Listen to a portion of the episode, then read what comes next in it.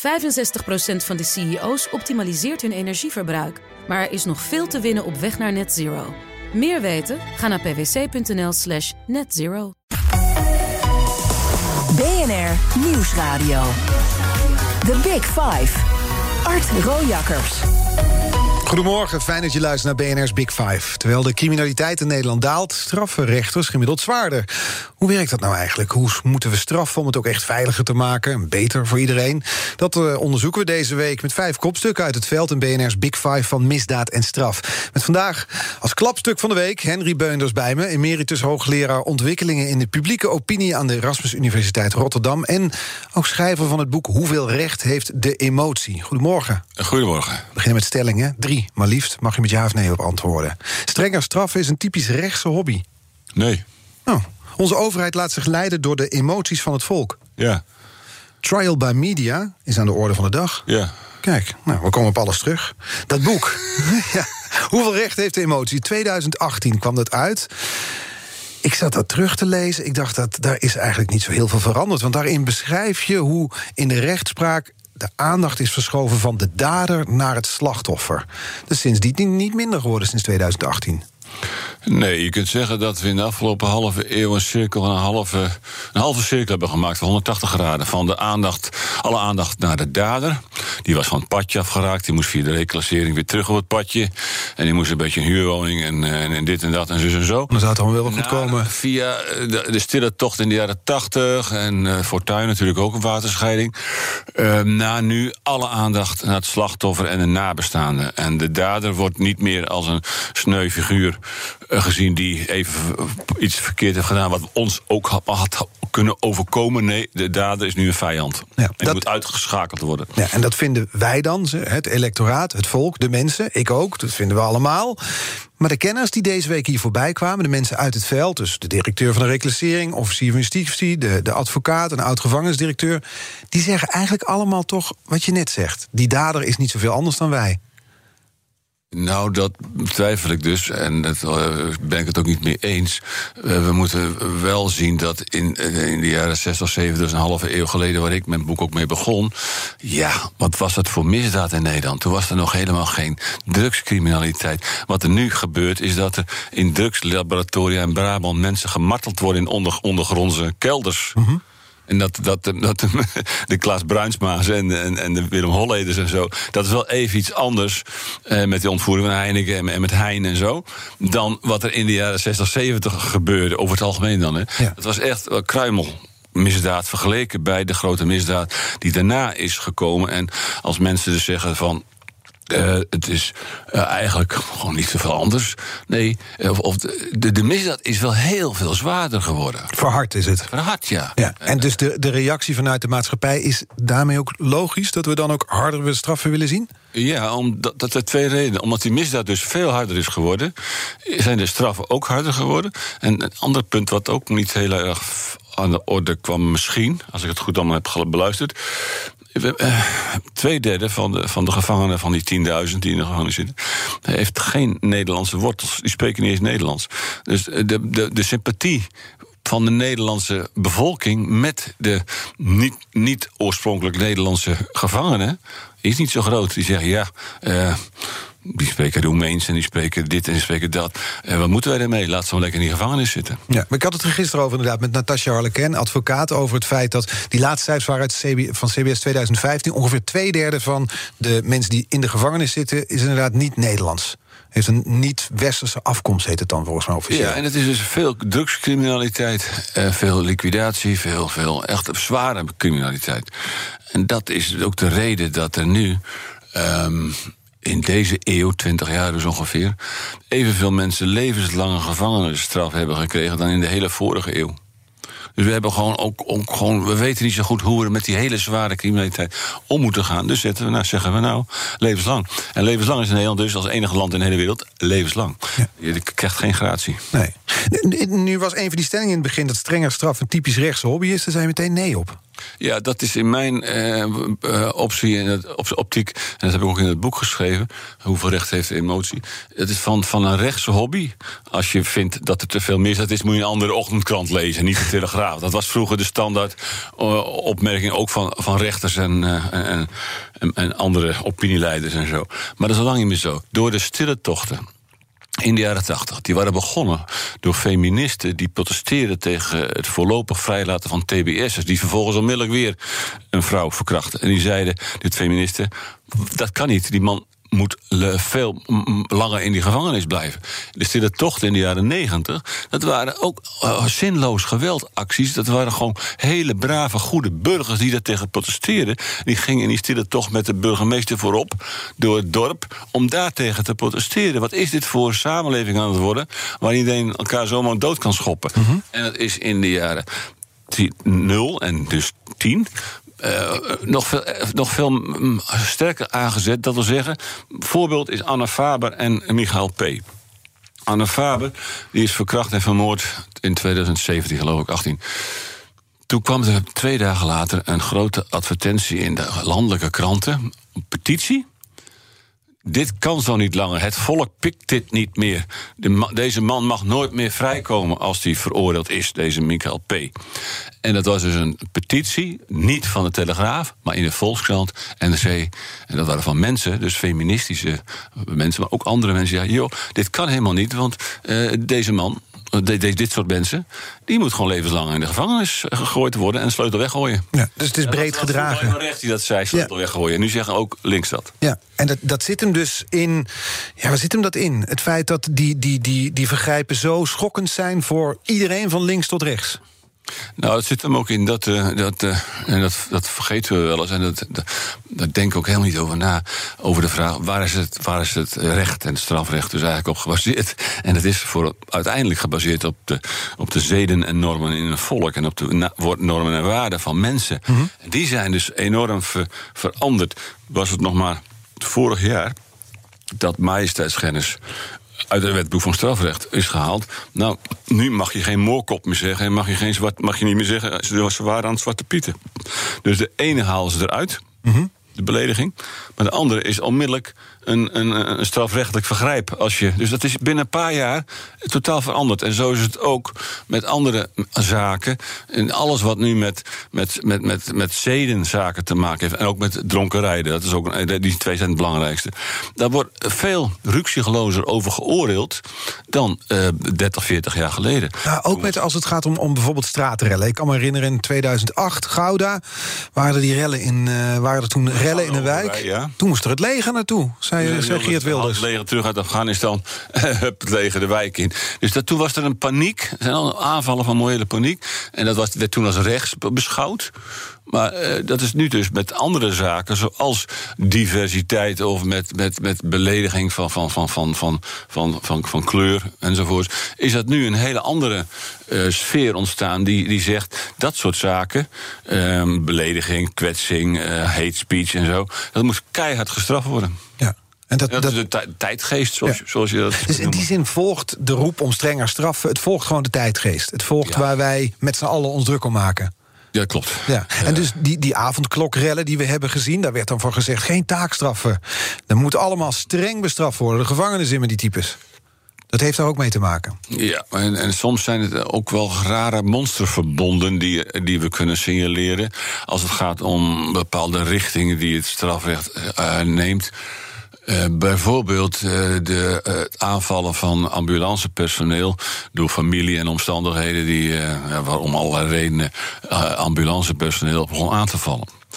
Verteven en, en Opstelt hebben dat in 2012, 13, 14 hebben dat aangepakt, aangegrepen om um, de, voorlopige hechtenis veel makkelijker te laten plaatsvinden. En dat is um, de reden voor, voor Teven. Ik ga inzetten op het slachtoffer. Die slachtoffers moeten beschermd worden.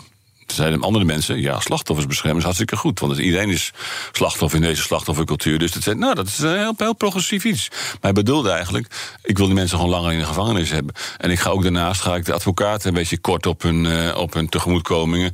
Wordt, dan wordt die van die verdediging ook niet veel.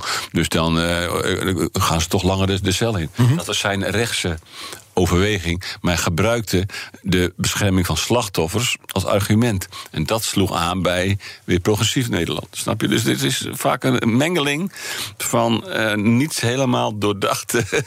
Toevalligheden die bij elkaar komen. En, en, en, niet vertelde motieven.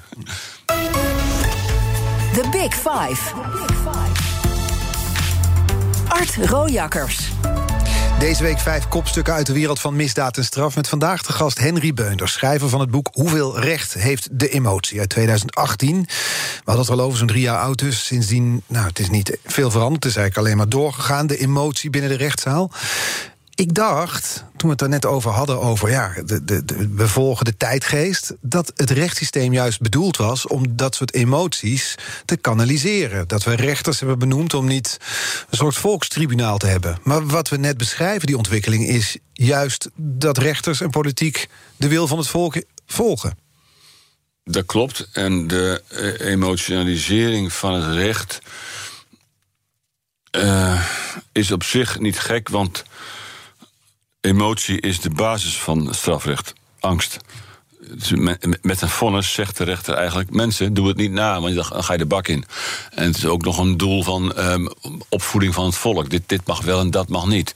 Dus dat zijn toch ook emotionele basis. Maar daarnaast heb je helemaal gelijk dat de rechtszaak de emoties moet kanaliseren in, in, in, in, in, een, in een ritueel van een rechtszaak. Je hebt de advocaat, je hebt een officier van justitie en de rechter... en je hebt nog een verdachte die ook nog wat mag zeggen. Maar doordat nu de, de slachtoffers ook, ook spreekrecht hebben gekregen... is er wel een behoorlijke verstoring op ontstaan in de rechtszaal... waar de waar het slachtoffer of de nabestaande of de advocaat van de slachtoffers al een uh, emotioneel pleidooi mag houden voordat überhaupt vastgesteld is dat de verdachte uh, ook door de rechter tot dader is bestempeld. En dat is een verstoring? Dat is een verstoring omdat ehm, dan de rechtszaak heel emotioneel ervan wordt. En de, de slachtoffers en nabestaanden die hebben natuurlijk alle belang bij om het zo emotioneel voor, mogelijk voor te stellen dat hun leven verwoest is. Dus moet hij, de dader of de verdachte, ook levenslang krijgen. En dat, gebeurt natuurlijk ook al de avond tevoren in de talkshows. Daar zitten de slachtoffers en de nabestaanden ook al te, te vertellen... voordat de rechtszaak nog moet beginnen, hoe hun leven is verwoest. En dat verstoort allemaal de, uh, de eigenlijk toch een beetje feitelijk bedoelde rechtsgang. Ja, maar ik zit dan over na te denken of dat inderdaad verstorend werkt. Want het was juist het idee om slachtoffers meer ruimte te geven, meer spreekrecht, zodat zij niet, opdat zij niet vergeten zouden worden. Dat klopt, want het is uh, in, in die in halve cirkel van 180 graden die ik beschrijf in mm -hmm. het boek van 1970 tot 2020, zeg maar, is het zo dat het vroeger het slachtoffer werd geminacht. Die, die kreeg tien seconden de tijd om iets te zeggen. En ja, nu is het klaar, wegwezen. Wij zijn met het dader bezig. Want het, het hele strafrecht is dadergericht en daadgericht. En dat was eigenlijk schandalig hoe, hoe het, het slachtoffer geminacht werd. Uh, maar dus op zich is het goed dat slachtoffers uh, hun zegje mogen doen over de consequenties, gevolgen van, van misdaad.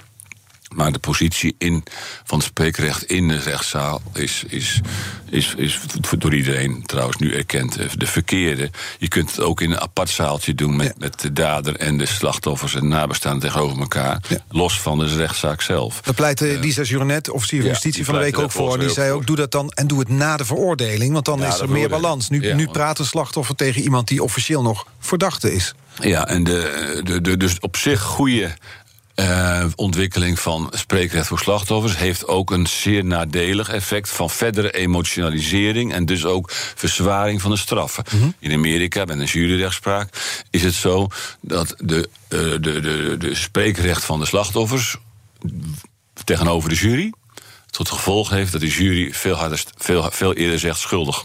En dat de straffen ook hoger worden. Hm. Dus de, die, die, die spreekrecht op zich goede zaak leidt ook weer tot verdere emotionalisering en ook verzwaring van de straffen. Weer zo'n onbedoeld. Uh, Onbedo onbedoelde effecten. Goede ja. bedoelingen en averechts effecten. Ja. Dat, dat strenger straffen en die roep vanuit de maatschappij om strenger straffen wordt in de politiek in, in Den Haag gehoord. Dat, er, er zit een soort. Ja, uh, ik weet niet of het angst voor de roep van het volk is, maar in ieder geval er, zit er wordt naar geluisterd en bepaalde wetten worden aangepast. Tegelijkertijd zie je dat de overheid ook weer in het beklaagde bankje zit. Als we kijken naar bijvoorbeeld de toeslagenaffaire. Dus aan de ene kant uh, zien we een overheid waarvan we willen er moet streng gehandhaafd worden. En aan de andere kant zijn ze juist veel te streng, streng het handhaven geweest in zo'n toeslagenaffaire. Ja, dat klopt maar omdat. Uh, de staat is eigenlijk uh, tot een big mother geworden, de verzorgingsstaat. Ze moeten iedereen een uitkering gaan leveren en ook de veiligheid en de gezondheid van iedereen garanderen volgens de grondwet. En tegelijkertijd is, het, is de staat ook big brother geworden, dat het door de digitalisering en alle automatisering van alle uitkeringen en zo eigenlijk een monster is geworden. Die, die, die combinatie van big mother en big brother is een monster. Uh, maar wat uh, de grote verschil is geworden denk ik toch, is de, is de, is de, de kwestie uh, moord op uh, Pim Fortuyn in 2002. Mm -hmm. Gisteren, 90 jaar geleden. Um, daarna is de staat heel bang geworden voor het, voor het volk. En daarna is de, de, de verrechtsing en de, en de aanpak van, uh, de uitspraken van Opstelten bijvoorbeeld. Uh, we gaan dit aanpakken, we gaan dit keihard aanpakken. Uh, dat is standaard geworden en ook teven en zo.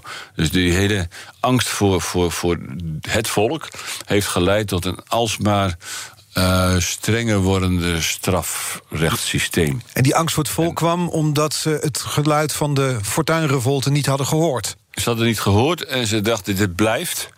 En als wij iets verkeerd doen, dan, uh, dan kost ons dat onze onze zetels in, bij de verkiezingen.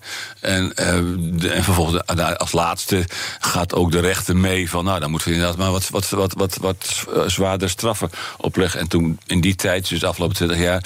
heeft ook de uh, minister van Justitie en Veiligheid... die de basis van het Openbaar Ministerie... heeft ook steeds vaker oriëntatiepunten, richtlijnen... drie weken voor een, een diefstal in een woning... vijf weken voor een diefstal van een auto Overal hebben ze richtlijnen voor gegeven. Dat moet minimaal uh, ge, uh, geëist worden. Mm -hmm. En dat is ook bij die, bij die hulpverleners zo. Je mag niet hulpverleners uh, aanvallen en dan wegkomen met een taakstraf. Nee, dan moet je gewoon de cel in. Ja. En dat heeft dat allemaal strenger. Ja, met, die, met, die, met die, de roep van het volk te maken. Ja. Dan is het natuurlijk lekker voor ons als kiezers om te wijzen naar Den Haag. Zo cynisch is het. Ze zijn bang om zeteltjes te verliezen en dus uh, passen ze wat wetten aan. Maar nu even zelf kritisch. Ik zat te denken dat wij, kiezers, in, bijvoorbeeld in deze coronatijd ook een dubbele moraal hebben. Want aan de ene kant vinden wij dat die avondklok railschoppers opgesloten moeten worden, uh, hard gestraft. En aan de andere kant verhouden we ons allemaal op onze eigen manier tot de coronamaatregelen. Nu druk ik het eufemistisch uit. Ja, maar de, ja, dat, dat, noem ik dan de prinses op de ed. Um, de burger heeft wel heel veel uh, nood op zijn zang gekregen. Die wil totale vrijheid, maar ook totale veiligheid. En dat is eigenlijk onmogelijk voor de overheid om te garanderen. Totale mm -hmm. vrijheid en totale veiligheid. En dat is uh, de reden dat de overheid eigenlijk permanent in paniek is eigenlijk. En dan denkt, laten we het dan maar uitbesteden aan de bureaucratisering en de digitalisering. Over de Uitvoeringsinstanties, en ja. En dan, dan, dan is het allemaal wel, wel regelen. En dan, en, maar de, de, bij die toeslagenaffaire is het natuurlijk wel de Tweede Kamer zelf geweest. En wij dus, de, de bevolking, die zeiden... er moet een einde komen aan al die fraude van Polen en Roemenen. En de. Bulgare fraude begon het mee, volgens mij, dat toch? moet keihard aangepakt worden. Nou, dan zegt de overheid ook weer heel bang voor het volk. Nou, dan gaan we dat keihard aanpakken. Belastingdienst, doe je werk. Zet maak wat nieuwe software, enzovoort. En dan krijg je deze uitwassen van, uh, van die discriminatie. Ja. En, en dat is dus daarin gebeurd. Maar als ik bij die coronatijd kijk. Want je zou kunnen bedenken dat de overheid in zo'n coronatijd ook voor strengere handhaving zou kiezen. Meer boetes, hogere boetes, aanpakken die handel. Maar dat gebeurt dan weer niet. Is dat dan omdat het ons allemaal aangaat? Uh, ja. De, uh, de overheid heeft eigenlijk een beetje een stiekeme manier van doen dat ze het via de bureaucratisering en die digitalisering doen en niet zeggen keihard: oké, okay, Ehm, dit, dit wordt zwaar bestraft als je eh, na negen uur uh, met die avondklok op straat bent. Hoe bedoel je dat? Nou, dat durven ze niet. Ze hebben een intelligente lockdown. We hebben een mondige bevolking. Dus de, de harde eh, maatregelen van de overheid jegens onderdelen van de bevolking gebeuren allemaal via, uh, of het via het strafrecht, maar of via uh, maatregelen van bestuur, via. Mhm via uitkeringen stopzetten en dit en dat. Het is allemaal een beetje, een beetje geheimzinnig. Dus niet, niet heel erg. En niet heel erg open, niet heel erg transparant en ook niet heel erg uh, fair ja. en stoer. Ja. Nou, dat is dan dat is de kant van de overheid. Maar ik dacht, ja, ik probeer toch ik dan ook naar mezelf te kijken als burger. Denk, ja, misschien zijn wij, zit er ook wat hypocriets in ons. Dat we wel willen dat de, de railschoppers hard aangepakt worden. Maar zelf uh, knallen we ook door die avondklok heen en, en nodigen we vijf mensen nou ja, thuis uit. Er zit natuurlijk een verschil in tussen een supermarkt plunderen en dat doen. Um, er zit een groot verschil tussen. Maar het, zit ook in nou, wat je verwacht van de overheid. Ja, maar Art, wij mensen gunnen onszelf heel graag het recht van de uitzondering. Ja, nee, ja, nee, natuurlijk moet iedereen uh, avondklok. Maar ja, ik moet wel zelf even naar, naar, de, naar de Canarische eilanden. Ik, want ik ben aan toe, hè. Ik ben er aan toe. Ja, dat moet, ja nee, sorry, ik moet, ik moet het wel. Dus dat is, dat is de, een beetje de hypocrisie van de, van de verwende burger die zich koning waant in zijn eigen bestaan. Tot over de dood zelf, de euthanasie en, en de lijkbezorging.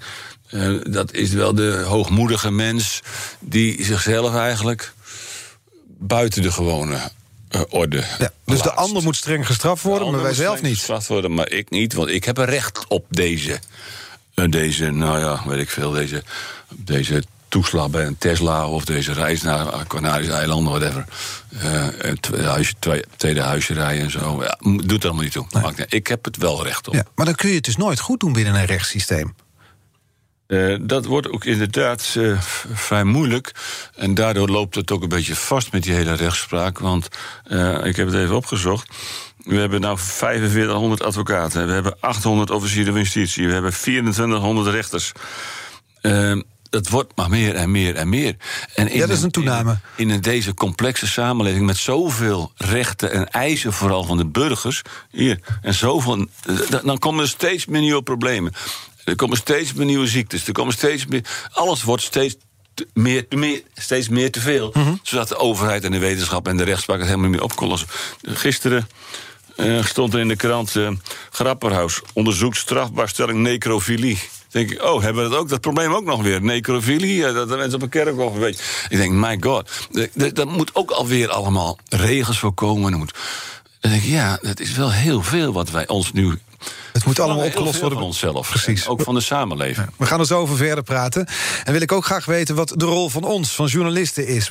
Spelen wij soms te veel voor rechter door te veel aandacht te besteden aan slachtoffers en nieuwsverhalen bijvoorbeeld? Tot zo. BNR Nieuwsradio. The Big Five. Art Rojakkers. Welkom bij het uh, tweede half uur zitten we al in van BNR's Big Five. Deze week vijf kopstukken uit de wereld van misdaad en straf. Met vandaag de gast historicus Henry Beunders. Met wie we al de ja, 180 graden draai hebben besproken binnen ons uh, rechtssysteem. De aandacht van voor de dader. En na nu de aandacht voor het slachtoffer. Dat daar toch de meeste aandacht naar uitgaat. En ik was benieuwd welke rol wij daarin spelen. En met wij bedoel ik dan de media. De media zijn onderdeel van het hele maatschappelijke proces. De media denkt vaak dat ze uh, er buiten staan en dat ze naar de maatschappij kijken. En controleren en de macht controleren als mensen die daar op drie meter afstand staan. De luizende pels. De luizende pels, maar de media zijn zelf onderdeel van die hele uh, samenleving en de maatschappij en ook van de commerciële uh, zaak. Oh, oh, we doen gewoon objectief verslag van de zaak. Ja, maar de media hebben dus ook allemaal belang bij kliks en bij kijkcijfers en bij lezers en bij uh, enzovoorts. Dus de, de, grote ontwikkeling van de laatste jaren die ik ook beschrijf, is dat de, de talkshows s'avonds al, al de slachtoffers en de nabestaanden in een show hebben, terwijl de rechtszaak de volgende dag nog moet beginnen. En dan uh, wordt er al stemming gecreëerd met alleen maar de, de nabestaanden aan tafel. Bij Pauw of bij uh, op één, weet ik het. Daar zit geen strafrechtadvocaat bij. Zelfs Peter de Vries is er soms niet eens bij. En daar zit geen uh, rechter bij. Er zit geen er geen, geen woordvoerder van de Raad voor de Rechtspraak bij. Er zit geen psychiater bij. Er zit alleen maar de slachtoffers. En dat is dus een emotionalisering van de hele rechtspraak. Want de, de rechtbank wordt wel erg onder druk gezet de volgende dag. In het voortraject van een rechtszaak is er helemaal geen aandacht meer door de media. Ah, Politie, politieverslaggevers bestaan niet meer. En de hele periode van de daad zelf tot de rechtszaak wordt eigenlijk nauwelijks. eh, nog aandacht aan besteed. Alleen als de. Dus alle, alle emotie wordt balt zich samen. Op de, op de dag van de rechts, rechtszaak. Ja. En de avond ervoor op televisie. En dan natuurlijk via live blogs en zo eh, vanuit de rechtbank zelf. En daarbij is ook nog zo dat de, de voor, voorheen professionele, hele goede journalistiek. Wordt nu vergezeld van Jan en Alleman die met een kindercameraatje op de, op de publieke tribune zitten en zitten twitteren en te doen. Dus er is ook een heisa ontstaan rond die rechtszaak op die ene dag Ja. dat er een soort psychose, bij wijze van spreken, ontstaat binnen twee dagen. En dat is he- wel heel erg veranderd bij vroeger. Ik zeg niet dat het alleen maar slechter is, maar. eh, want ja. Er is dus een, hele, een heel circus om zo'n rechtszaak heen. Ja, is een circus Eh, hè, met, die begint bij de talkshow en eindigt met die twitteraars... die op de publieke tribune bezitten, zoals je beschrijft. Zeer Ja. treffend. Tegelijkertijd denk ik dan, in het oog van de storm heb je die rechter. Die laat zich daar toch niet op beïnvloeden door een gesprekje bij eh, op één. Nou, kijk, het boek wat ik geschreven heb, eh, Hoeveel recht heeft de emotie, is, komt voort uit mijn vraag: wat is eigenlijk de ernstig geschokte rechtsorde die zo vaak wordt aangevoerd door rechters in het vonnis, dat dat een extra argument is om die en die zware straf te geven? Waar is de hele rechtspraak op gebaseerd? Nou, op de, op de, op de zeden van een volk. De ernstig geschokte rechtsorde dat gaat uit dat eh, wij als volk een soort lichaam zijn, bij wijze van spreken. En als iemand iets heel geks doet, iemand vermoordt of zo, dan is dat eigenlijk een inbreuk op dat lichaam van het volk. En dat is dus een geschokte rechtsorde. En dat moet hersteld worden. Maar eh, die ernstig geschokte rechtsorde, waar baseren ze dat op? Is dat op de Telegraaf? Is het op het NRC Handelsblad? Is het op de Twitter? Is het op de verjaardag waar ze de avond ervoor waren en waar er over gesproken werd? Hebben ze enquêtes voor? Niemand die het weet. Waar een rechter die hele term, ernstig geschokte rechtsorde, op baseert. En dan moet je toch wel veronderstellen dat ze ook wel degelijk, in ieder geval de woordvoerders van de rechtbank, naar die talkshow zitten te kijken. En zeggen: Zo, dit is wel ernstig. Want die zit Peter de Vries bij Pauw en die zit te schreeuwen. En dit, dit, dit. Nicky Verstappen is bijvoorbeeld ook zo'n eh, zo'n zaak. Wat altijd door, door Peter de Vries natuurlijk eh, op de agenda. Het was een geschokkende zaak. Daar waren we ook door geschokt, met z'n allen. Jazeker, zeker. Maar het heeft dus daardoor wel ook, eh, kunnen we toch wel vermoeden, invloed op het oordeel van de rechtbank. Ja, het, is, het is een utopie om te denken dat zij in alle neutraliteit daar niet worden door beïnvloed. Ja. Ja. En dat moet ook, want dat is ook, dat is ook, de, ook een, een, een plicht van een rechtbank om rekening te houden met de normen en waarden van een volk. Ja. Met het zedelijk bewustzijn. En dat is ook. eh, dus het is ook een. Het is nodig. En het is tegelijkertijd heel mistig. En dat is ook de reden waarom ik pleit voor burgers, voor lekenrechtspraak. Ja, daar, daar komen we zo op. Ik wil eerst de kettingvraag aan je voorleggen. Gisteren was hier Natasja Harleken, strafpleiter, te gast. En eh, zij had deze vraag die hiermee te maken heeft. Luister goed. Zou het helpen als, ehm, als er meer gesproken zou worden zonder emotie in de media? Dus meer feitelijk iets proberen weer, weer te geven. Ja, vraag is of het dus het zou helpen als er meer gesproken zou worden zonder emotie in de media. Dus meer feitelijk iets proberen weer te geven. Nou, dat is een hele lastige vraag, omdat ehm, ehm, er, er, er een soort polarisatie is ontstaan over fake news en echt nieuws en waarheid en, en onzin en eh, feitelijkheid en, en emotie. In, in, in, in werkelijkheid is de emotie een bondgenoot van de reden en ook van de feitelijkheid. Want zonder emotie kun je helemaal niks onderscheiden. Mensen die geen emotie, emotioneel gevoel hebben, die, die kunnen helemaal niet eens eh, een, een, tram zien die rijdt of stilstaat. Mensen die, kunnen ook geen oordeel vellen. Dus je hebt emotie nodig om een oordeel te kunnen vellen. Tegelijkertijd, eh, als je te veel emotie toelaat, dan eh, word je erin in, eh, ga je erin ten onder, word je er overspoeld. En eh, raak je zelf eigenlijk in een soort psychose. Dus je moet een, een, soort evenwicht eh, hebben tussen emotionaliteit en feitelijkheid en redelijkheid.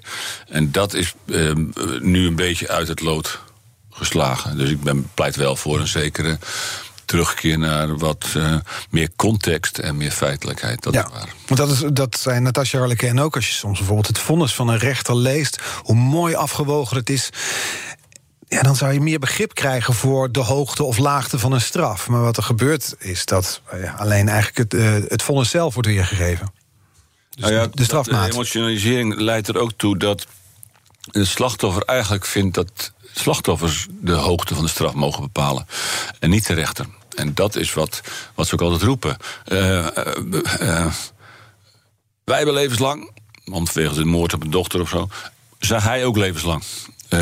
dat is eigenlijk de, nu de, de standaard uiting van mm -hmm. slachtoffers of nabestaanden.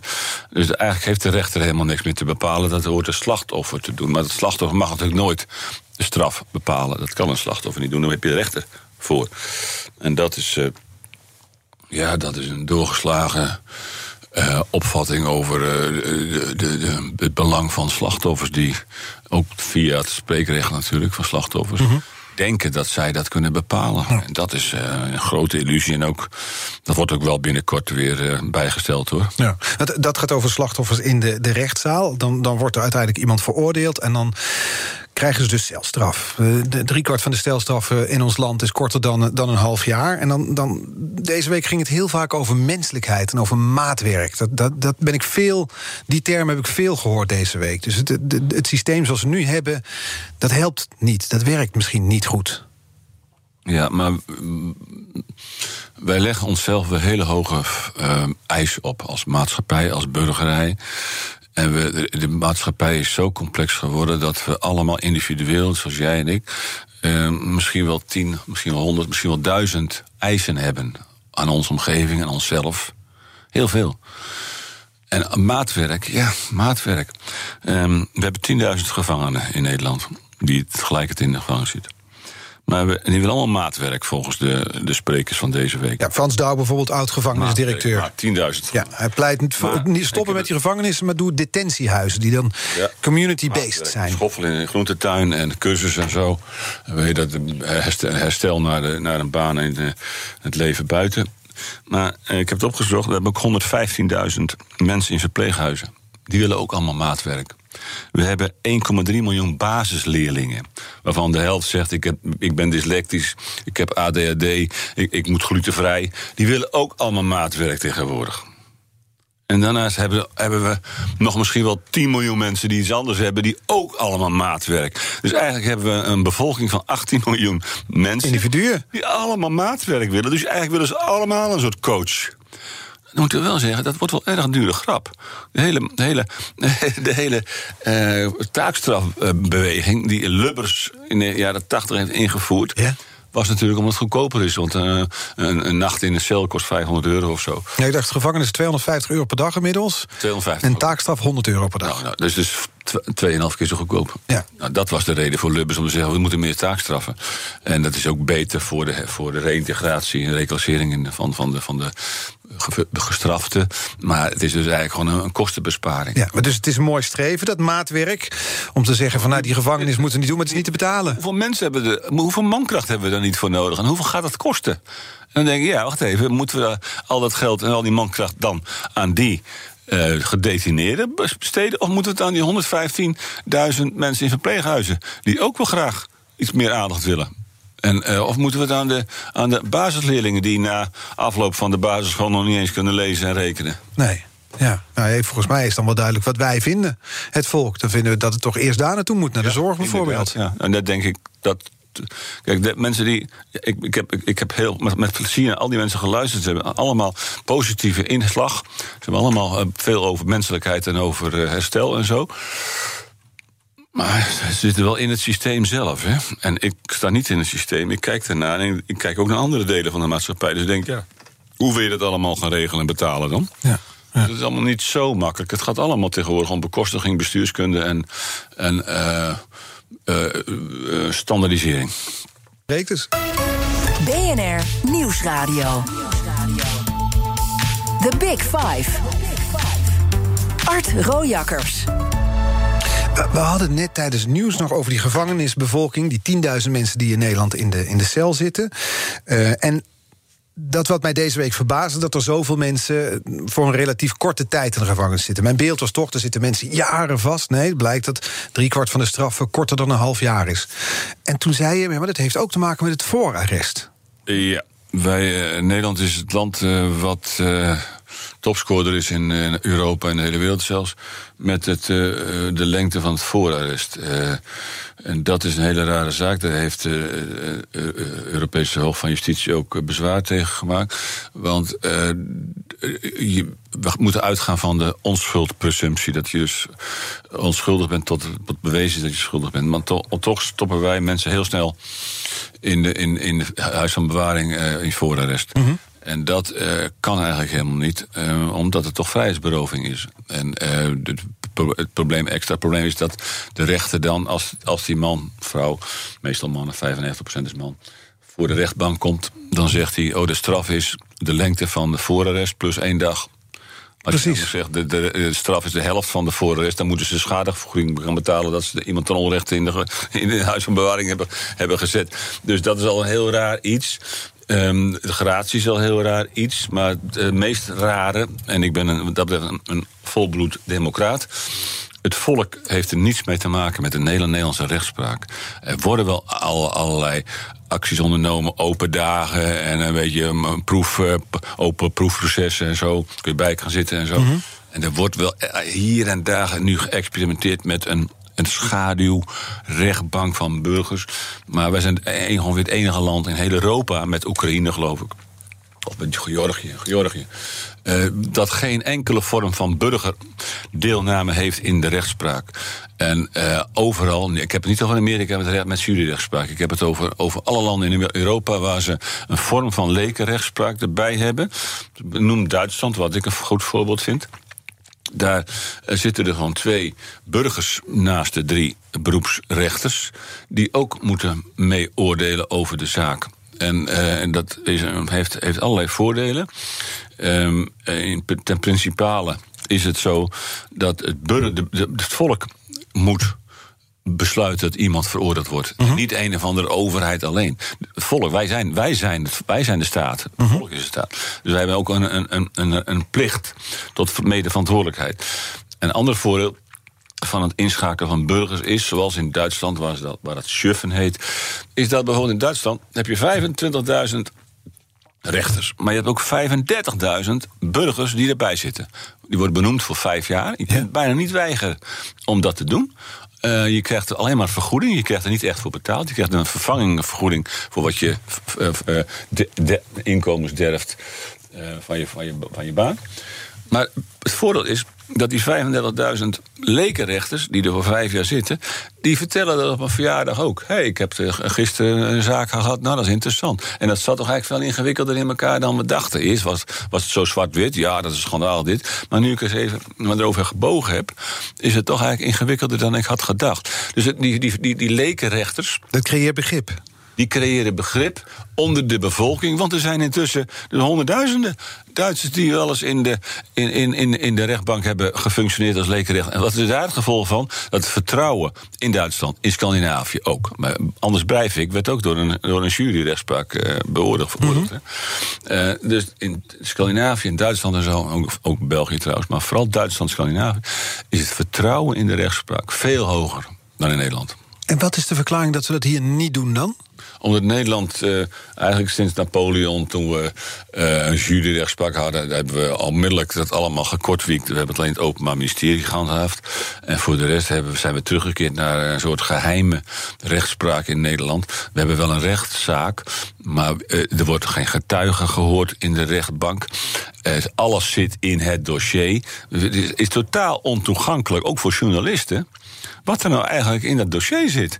En uh, een ander voorbeeld. Ik heb geprobeerd om, om, uh, om de, de, de requisitoren van de officier van justitie te bestuderen. Ja, ik, ik nergens, nergens worden die dingen bewaard. Zelfs de, de, de, dus de requisitoren van officier van justitie zijn niet in te zien achteraf. Je, moet, er, je moet het ter plekke moet je het opschrijven als je in de rechtbank zit. En dan denk je, wat is dat toch eigenlijk raar? Hoe gesloten is deze rechtspraak in Nederland eigenlijk? We denken, en ik vind ook dat het allemaal best goed loopt, want de rechters zijn, zijn brave, goede, evenwichtige mensen. En uh, over het algemeen loopt het allemaal wel. Maar het is wel een heel erg conservatief bastion. Ja, en dat heeft te maken met. eh, Dan, dan heeft dat vertrouwen in de rechtsstaat, wat hier dus minder groot is, zeg je dan in Ja. bijvoorbeeld Scandinavië of in Duitsland. Zou daar een gevolg van kunnen zijn? En die emotionalisering is er ook weer een gevolg van. In Duitsland is er geen, is, is er geen sprake van emotionalisering over de rechtspraak. Want er zitten de burgers zelf ook in die rechtbank naast de gewone rechters. En dat is in Scandinavië ook niet zo. Alleen in Nederland, want wij kunnen steeds makkelijker, heel makkelijk zeggen...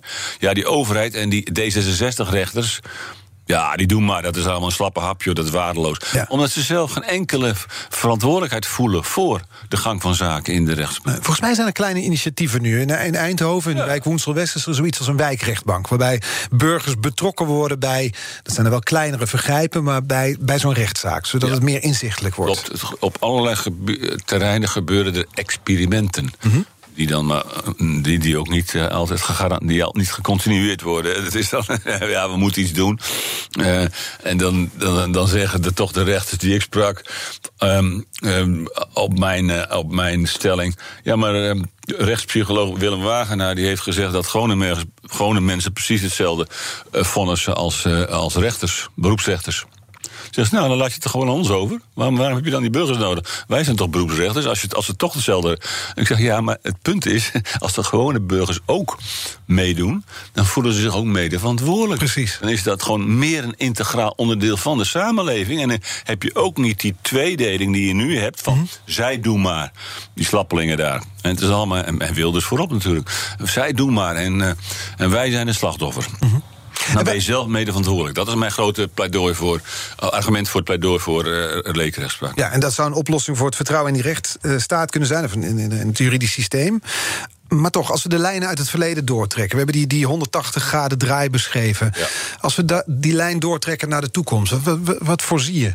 Ehm, nou, dan voorzie ik eh, grotere heisa, omdat in deze eh, multiculturele samenleving met eh, steeds meer rechten van kleine onderdelen, diversiteit, inclusiviteit enzovoort, dat, dat, dat het harder gaat. En dat er dus grotere problemen, grotere strijd zal ontstaan. En dat er ook zelfs wel een kans is dat de, de, de roep om. Zie Anne Faber en Michael P., die 27 jaar kreeg.